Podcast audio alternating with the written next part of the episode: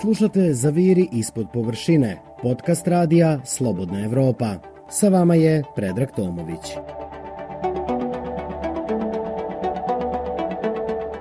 Svijetlo na kraju tunela izreka je koja na najbolji način oslikava entuzijazam i nadu cijelog svijeta da će vakcine protiv covid koje su početkom decembra primili prvi građani u Velikoj Britaniji i Rusiji, ali i sve druge koje su prošle treću završnu fazu ispitivanja, promijeniti tok pandemije, ugasiti virus i omogućiti stanovnicima planete da se vrate životu kakav je bio prije pojave korone.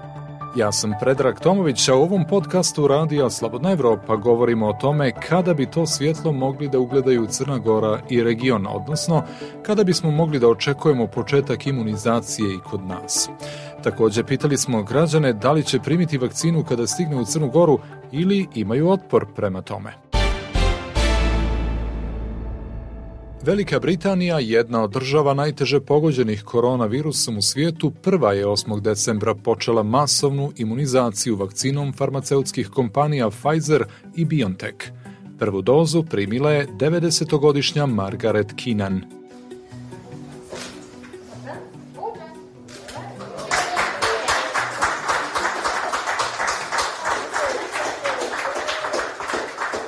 It was fine. I wasn't nervous at all. It was... Sve je bilo u redu, nije sam uopšte bila nervozna. Mislila sam da je sve šala kada su mi rekli da će me vakcinisati protiv korone. Nije se mogla da vjerujem, ali sam sretna što se to dogodilo. Nadam se da će ovo pomoći i drugim ljudima da urade isto što i ja sada i da nam to pomogne da se otarosimo ove užasne stvari. To get rid of this terrible thing. Yes. Šefica Britanske regulatorne medicinske agencije doktorica June Rain uvjerava sve stanovnike Ujedinjenog kraljevstva da je vakcina bezbjedna. The safety of the public will always come first. Sigurnost javnosti će uvijek biti na prvom mjestu i ponovno naglašavam da je ovu preporuku dala regulatorna medicinska agencija na osnovu najrigoroznijih naučnih procjena svih podataka kako bi zadovoljila obavezne stroge standarde sigurnosti, efikasnosti i kvaliteta of safety, of effectiveness and of quality. Imunizaciju stanovništva počela je i Rusija dvijema vakcinama koje su dobile državno regulatorno odobrenje, uprkos tome što klinička ispitivanja još nisu kompletna. Među prvima koji su primili vakcinu protiv covid bila je Zulfija Sosnovskaja, Знаете, prежде всего для безопасности своей и своих близких. Uradila sam to prvenstveno zbog svoje sigurnosti i sigurnosti ljudi koji su mi bliski. Prije nijesam vjerovala u koronavirus. Mislila sam da je to neka fantazija, čak i prevara, dok se osoba koja mi je bliska nije zarazila. Tako da sam odlučila da ću biti prva u svojoj porodici koja se vakcinisala. Želim da se nakon toga vakciniše cijela moja porodica. Pa svi su ja hoću da bi moja semlja bila vakcinirana. Tako je u svijetu, a gotovo polovina građana Crne Gore se ne bi vakcinisala u slučaju kada bi bila dostupna vakcina protiv koronavirusa, pokazalo je istraživanje agencije Ipsos, realizovano uz podršku UNICEF-a i Britanske ambasade u Podgorici sredinom oktobra. Takav rezultat nije bio iznenađenje ako imamo u vidu činjenicu da se prema istom istraživanju pokazalo da čak 82% ispitanika nikada nije primilo vakcinu protiv sezonskog gripa. Izgleda da crnogorci ne vjeruju mnogo u nauku, odnosno medicinu i njena dostignuća. No stvari se u vremenu pandemije mijenjaju velikom brzinom, pa smo u oktobru imali samo nagovještaje da bi djelotvorna i sigurna vakcina protiv covid mogla biti spremna početkom 2021. A već u decembru imamo i prve stanovnike planete koji su je primili. Da li bi se sada vakcinisali protiv covid Pitali smo predstavnike tri generacije Podgoričana. 27-godišnja Maja nedavno je pobijedila koronu. Da si prije nego se to desilo, a, imala opciju da primiš vakcinu, da li bi to uradila tada? Pa nisam sigurna da li bi tada, obzirom da nisam mogla pretpostaviti kakve ću simptome imati, koliko će e, mi teško pasti ili možda lako pasti sav taj virus i izolacije, sve što već ide uz to, ali da sam za vakcinu jesam, iz razloga što mislimo da ćemo da zaštitimo većinu stanovništva, da će naravno manje ljudi da umire, da boluje, da se muči. Ja sam eto imala neki lakši oblik, obzirom da eto, imam dosta dobar imunni sistem, da vodim neke zdrave stilove života, pa zbog toga, eto, kažem, opet mi nije teško palo kao nekim ljudima iz okoline koji su jako, jako to ovaj, teško izneli. E, za vakcinu opet ponavljam jesam. Koliko je ona istražena da kaže sve je to nekako neki kratak period, obzirom da korona se pojavila pre nekih godinu dana. Sad, da li da budemo sigurni da li će britanska, ne znam, ruska ili koja je već vakcina dati, ovaj, dati neki uspeh, to je na nama da vidimo, ali svakako da jesam za vakcinu, da. Da li bi svojim roditeljima, njihovim roditeljima preporučila vakcinaciju onoga trenutka kada vakcina istigne u Crnu Goru? Još uvek nisam sigurna koji bih odgovor dala na ovo pitanje, iz razloga što evo opet se vraća ono što sam već rekla, to još nije dovoljno, dovoljno da kažem istraženo i sigurno ta vakcina sad dok dođe do nas, verovatno da će, da će već biti efikasna ili ne, pa bih možda tek tada znala da li da preporučila, naravno da bi zaštitila svoje najbliže, to svakako. Kako gledaš na antivaksere, kako ih zovu, ljude koji su protivnici vakcine? E, ne, naravno da nisam na toj strani, ne podržavam te ljude iz razloga što o toj vakcini negativno pričaju baš oni koji se ne razumeju 1% vakcinu. Uglavnom je to tako za, za sve oblasti. Da uvek komentarišu najviše ljudi koji se ne razumeju neku oblast. Ovaj, tako da ni, nisam, nisam na njihovoj strani naravno, e, iz razloga što ma, e, danas sutra kad stigne ta vakcina mi ćemo morati na kraj svi da je primimo, to neće biti izbor da li ja hoću ili ti nećeš, tako da to će biti sigurno obavezno. Ana, 40-godišnja novinarka iz Podgorice, nema dilemu u odgovoru na pitanje da li bi primila vakcinu protiv covid -a ne treba se kockati sa svojim životom i razmišljati neće mene korona, ja sam osoba koja ima jak imunitet, ja sam zdrav, ja jednostavno postoji taj jak antivakcinaški lobby koji zagovara da vakcina može da ima strašne posljedice za ljude, da može da im napravi veće probleme nego i sama korona. Mislim da vakcina nije izum 21. vijeka, odavno znamo, svi dobro znamo otkad vakcina postoji koliko je spasila života na, na, na svijetu, tako da mislim mislim da svaki čovjek koji brine o sebi, o svom zdravlju, o okolini i o ljudima koji su mu bitni, a na prvo mjesto stavljam sebe, e, treba da primi tu vakcinu i zaštiti kako sebe, tako i druge. A recimo, Jana, je zaista veliki broj ljudi koji su protivnici vakcine. Šta je razlog? Šta misliš zašto ljudi ne žele da prime vakcinu? Nije samo riječ uh, o vakcini, riječ je i o maskama. Gledam dosta ljudi, dosta mojih prijatelja koje znam, kad malo dublje uđem u razgovor s, sa njima, vidim da to u stvari radi iz nekog velikog straha, da jednostavno ta maska im ne prija. Vezano za antivakcinaške, eto da ga nazovemo lobby, smatram da oni negdje iz nekog velikog straha da će ta vakcina možda da im uništi život, možda da im napravi veći problem nego što ga u stvari imaju, e, pružaju otpor, a mislim da konkretnog razloga za to nemaju. E, smatram da vakcina e, može uveliko da spasi čovečanstvo jer trenutno mislim da ni svi svjetski stručnjaci ni bilo ko na planeti ne može da ponudi bolje rešenje. Smatram da velika većina ljudi ne obazira se na to šta govore stručnjaci, raznorazni glumci propagiraju e, da je vakcina loša, da ima užasne kontraindikacije, da se od nje umire, da su ugrađeni čipovi koji mogu da nas u svakom trenutku kontrolišu. Sve je to nešto što ničim nije dokazano, a opet kad pogledate procenat koji broj ljudi vjeruje tim ljudima je zapanjujući. Dakle, ti si neko ko vjeruje prije svega nauci i nikom drugom. Mislim da u ovakvim stvarima kada je riječ o bolesti treba da vjerujemo nauci, kada je riječ o snimanju nekog filma treba da vjerujemo glumcima. Znači u svakoj struci onaj koji je najbolji daće svoje mišljenje. Nažalost, juče sam gledala statistiku kad se uključe svi ti u procentima najmanji uh, procenat kome se vjeruje, to su novi, uh, to su ovi uh, doktori.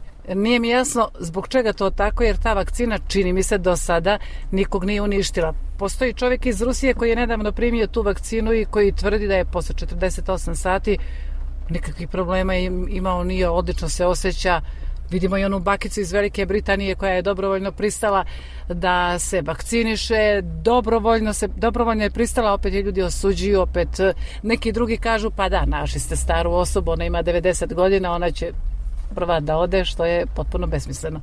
Ja sam za to da se vakcina primi, ja sam za to da se ljudi sačuvaju od korone, ja sam za to da se vjeruje nauci, a ne ljudima koje možda ću biti malo gruba, zaista mogu da nazovem šarlatanima i koji ono što govore za to baš nemaju nikakve dokaze. Ljudi prave razliku, e, barovi sa kojima ja razgovaram, e, i kažu, ah, ja bih prije primio, ne znam, Pfizerovu vakcinu ili vakcinu koju je proizvela neka kompanija na zapadu, e, nego rusku. Prosto da li imaš tu vrstu zazora, predrasude ili odnosa prema toj stvari koju bi prije jeli primila? Ona vakcina koju odobri Evropska unija, e, ta vakcina znači daje vam garanciju, daje vam e, sigurnost i jednostavno e, sad svaka država se bori da proda svoju vakcinu. Smatram ako recimo Crna Gora se odluči da to bude Pfizerova vakcina, ako oni procijene, ako na osnovu svih tih mogućih parametara koji treba da prođu da bi došla do, do svih nas Ako je ona zadovoljavajuća, nešto ne vidim razlog, ono, zašto bih bila nešto probirljiva i rekla neću Pfizerovu, hoću Rusku, hoću ovu, hoću onu. Mislim da čak i na tu temu postoje spekulacije kao e, u bogatim zemljama pripašće kvalitetnije vakcine siromašnim one što ostanu koje će biti namijenjene kako Afganistanu tako i Crnoj Gori što je meni vam pameti. Mislim da jedna te ista vakcina koja je namijenjena ako je namijenjena američkom tržištu i ako može da bude i kod nas ne vidim neku razliku da, da, da, da je ne primimo.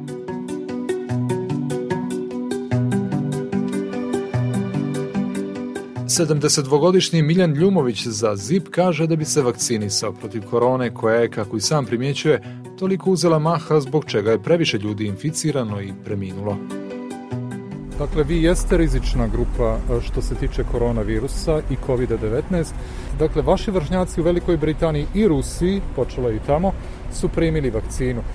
Da li biste stvarno otišli da se vakcinišete ili ne? Ukoliko bi, zašto? Ukoliko ne, takođe zašto? A nešto bi se, znate što, ja ovo nosim stalno u masku, Bogom mi malo izbjegavam i ovo srijetanje s drugovima i prijateljima. No, eto, nema, vidite kako ovo ide. Ste vidjeli koliko je sad u Srbiji stradalo, koliko je u Bosni, koliko u Hrvatskoj, koliko u Sloveniji, što nije normalno. A eno u Americi, onamo se je bilo 15 i nešto miliona, ja mislim da je bilo, da, da se nešto bilo o, oboljelo od toga i umrlo ih je dosta, no eto, što ćete, nema to. Ostali ste mi dužni za odgovor. Da li biste primili vakcinu? Kada dođe u Crnu Goru? Očekuje se prvi kvartal naredne godine da će najugroženije grupe, stari ljekari, policija, vojska, prvi dobiti vakcinu. Da li biste vi, ukoliko vam doktor preporuči, otišli da je primite? Ali znate što, to bi bilo dobro primiti tu vakcinu da bi se to izbjeglo. Evo vidim sad ono u Engleskoj, tamo primaju neke inekcije, ali nešto vele i nije dobro, nije ovo, nije ono, ko zna što je to. To su neke nus pojave za ljudi koji imaju već neko stanje, tipa jake alergije. Tako da je dobro, da je dobro da se to desi. Što da ne ono, ako dođe ovdje u Crnoj Gori, su najavili da će ovdje donijeti nekakve te inekcije, nešto da će to doći. A kako komentarišete ljude koji su veliki protivnici vakcinacije? Ima i dosta, čak svoju djecu ne žele da vakcinišu protiv nekih bolesti. Kako njih komentarišete? Koliko ima ljudi, recimo sad kad bi pogledali ovde, evo, samo po Podgorici, koliko ih ima koji nikako ne nose masku. A koliko ih ima, nego sad ono je malo, ja mislim da je bilo ono ovde kad je pokojni Amfiloh i umro ovdje u ovaj hram bilo je dosta tija građana tu došlo je i onaj iz Srbije presjednik isto crkveni onaj no umrije siroma i tako dalje što nije dobro. Znači nije se nešto vodilo računa i to se nekako prenese preko jednoga na drugoga i eto tako se to završava. Ali je najbolje to da ljudi sad budu da izbjegavaju ta druženja zajednička da izbjegavaju. Ja sad gledam kad je tamo u mojim piperima niko nije obolio u selu.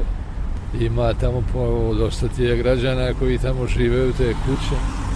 i imaju oni ovdje i stanovi i kuće pa su bježali odavde gore, što znači da je bilo dobro, nego je to ne može čovjek ništa da zna tačno.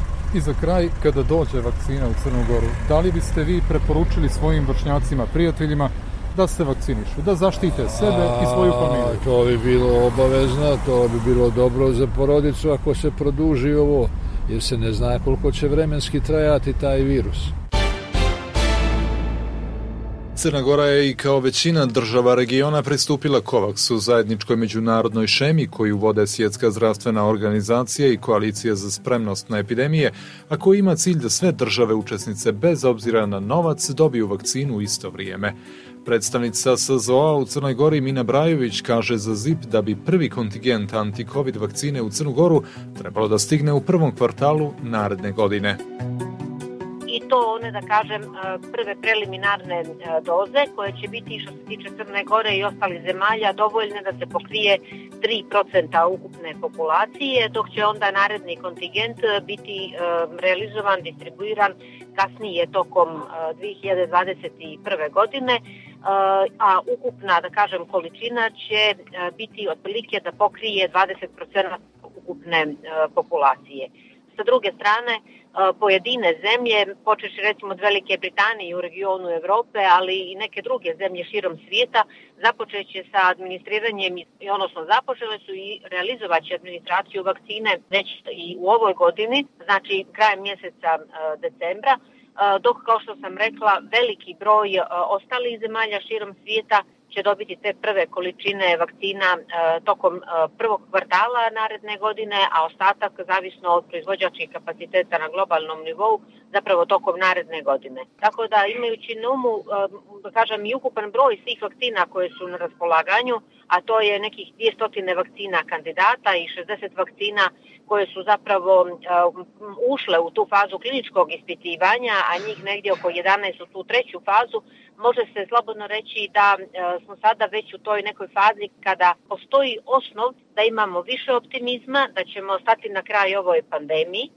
ali ono što je jednako važno jeste da će i da kažem, stavljanje te tačke na i opet biti jedan proces u smislu da sve dok svako ne bude bezbjedan, niko nije bezbjedan, odnosno da do tog posljednjeg trenutka neophodno je da i zemlja i građani rade sve što je do njih i u njihovoj moći da bi prekinuli lanac transmisije, da bi suzbili ovaj e, virus e, i jedino tako i na taj način možemo da izađemo na kraj sa ovom pandemijom.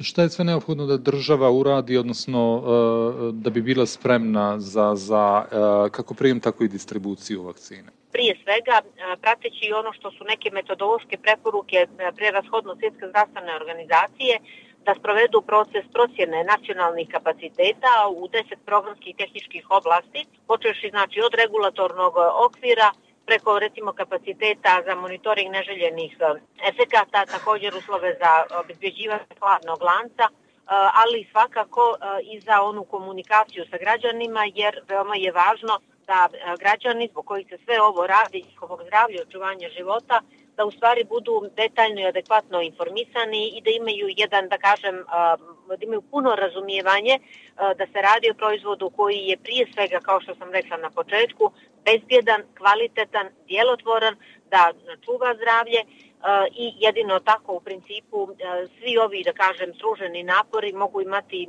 smisla i mogu zapravo ostvariti. E, preporuka Svjetske zdravstvene organizacije je da prioritet, prvi prioritet zapravo budu zdravstveni radnici, e, a da također u tu prvu grupu prioriteta, kažem 1A e, i 1B prioriteta, budu osobe koje su identifikovane na osnovu svih raspoloživih dokaza kao posebno vulnerabilne, a to su zapravo starija lica. Što znači da je na zemljama, na nacionalnim vlastima da odrede, da kažem, tu neku granicu, starosnu granicu iznad koje će se sprovoditi u tom, da kažem, prvoj fazi i u toj, da, u prvoj fazi sprovoditi vakcinacije.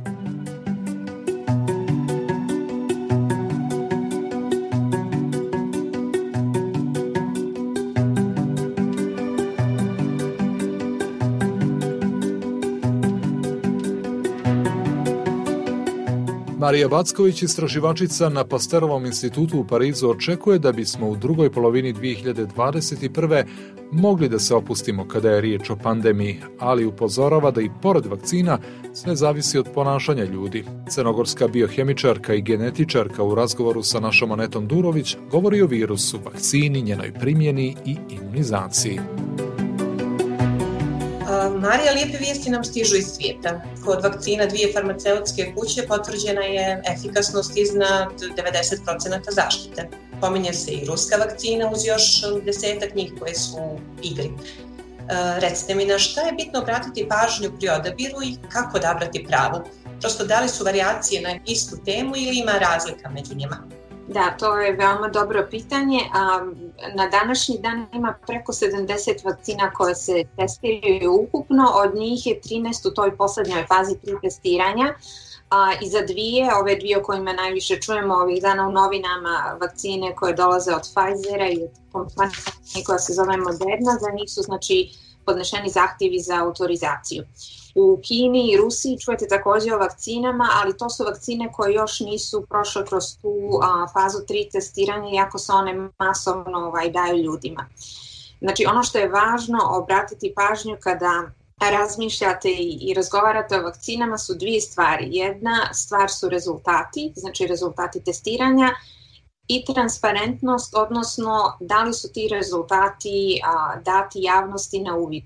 Znači, za testiranje vakcina postoje veoma dobro definisani protokoli koji su dobro poznati i standardizovani, koji moraju da se slijede i kad se ti rezultati sakupe koji u fazi 3 obično uključuju testiranje na 30 ili više hiljada ljudi, Znači, ti se rezultati onda šalju nezavisnim agencijama koje nisu ni agencije te zemlje, niti su agencije koje imaju veze sa farmaceutskim kompanijama i te agencije onda rade analizu podataka i daju izvještaj u kome kažu kolika je efikasnost, kakva je sigurnost i tako dalje. I to je ovo što ovih dana čujemo u novinama, znači da su ove dvije vakcine sigurne, da nije bilo nikakvih um, ozbiljnih neželjenih efekata kod, kod ljudi koji su ih dobili i da su preko 95% efikasni. Ako se rezultati kriju, kao što je u slučaju kineske i ruske vakcine, ne možemo nigde da nađemo te glavne rezultate, to je ono što mene čini a, sumnjičavom. Ako su vakcine prošle kroz agencije i ako su agencije dale zeleno svjetlo, onda nema nikakvih razloga za brigu. Kojoj mjeri e, vakcine mogu da zaustave ili uspore pandemiju i u kom vremenskom periodu?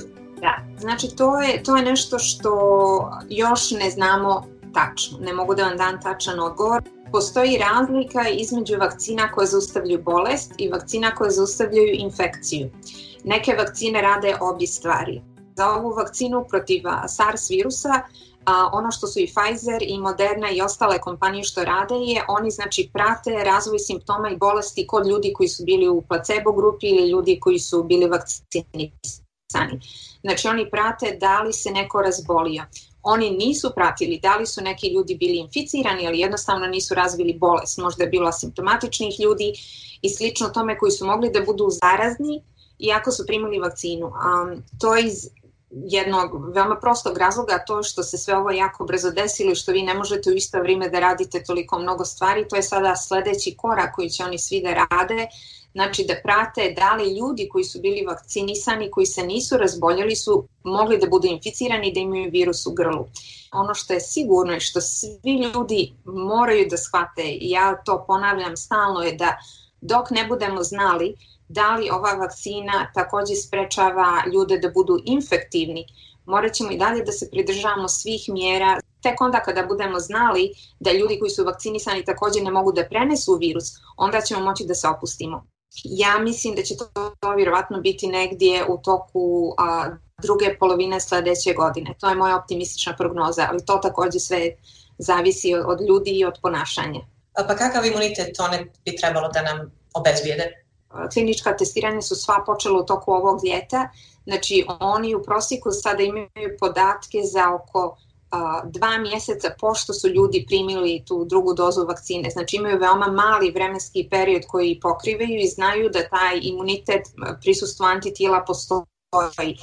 Um, ono što se očekuje od vakcine je znači da, da ublaži bolest i da da neki imunitet, ali um, iz onoga što znamo o imunitetu koji se razvija kada se ljudi inficiraju virus, jeste to da nije dugo živeći. To je sasvim normalno da, da vi jednom kad dobijete infekciju ne pravite antitijela e, ostatak tog života, imunni sistem ne radi tako. Znači antitijela su tu i po onome što istraživanje pokazuju traju neka 3 do 4 mjeseca. Posle toga je moguće da se ljudi reinficiraju sa istim virusom Da li onda tog bolesti blaži, da li možda imaju manje simptoma i tako dalje, to još nije poznato.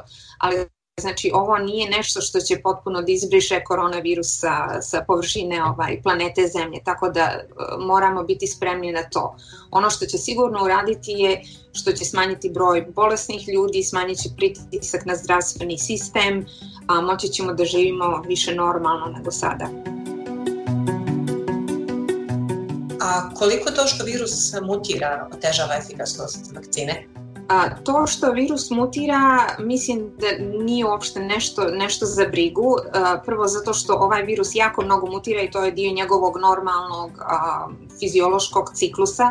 Veoma je malo mutacija koje virus mogu da naprave opasnim ili više zaraznim i slično tome, one se dešavaju veoma rijetko. Ono što je dobro je što mi sada imamo tehnologiju koju možemo da pratimo kako se virus mijenja, znači vi sada možete da odredite genetski materijal svakog virusa i svevremeno možemo da vidimo i da povežemo ako se, na primjer, prenos virusa promijenio, da li su tu neke mutacije koje su se desile i slično tome.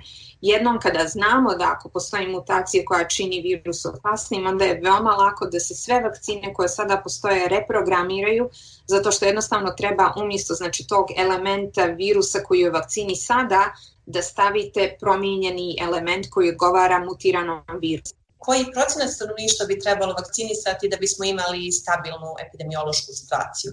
Da bi zaustavili ili usporili epidemiju mora biti vakcinisano minimum 70 procenata populacije. Znači, ako vakcinišemo manje od toga, nećemo uspjeti da dostignemo taj imunitet krda, to se tako zove, i znači moramo, moramo imati dovoljan, dovoljan broj vakcinisanih ljudi. A, da li smatrate da će poseban izazov biti borba kontra onih koji su protiv vakcine? Da li na vakcina može obezbijediti stabilnost ukoliko sami ne postanemo svjesni opasnosti i prosto ako sami ne budemo vodili računa? Da, mislim da je to a, sada otprilike, mislim da smo pola, pola bitke smo dobili jer će vakcina biti, ali mislim da bukvalno polovina još preostaje ja ne volim da ih, da ih zovem toliko ti antivakseri, to su ja mislim više ljudi koji su nepovjerljivi prema vakcinama. Mislim da njih ima mnogo više nego ovih koji su stvarno ideološki protiv vakcina i mislim da je sada glavni element toga, znači ako hoćemo da, da imunizujemo 70% populacije, obrazovati te ljude, razgovarati sa njima i napraviti kampanje u kojima će im se objasniti kako vakcine rade, kako se testiraju, um, kako se provjerava sigurnost, šta znamo o njima i tako dalje jer um, ako se ne vakciniše 70% populacije, ako i dalje ljudi ne nose maske kao što se redovno dežava, onda je koronavirus definitivno pobijedio, a ne nama je da ne bude tako.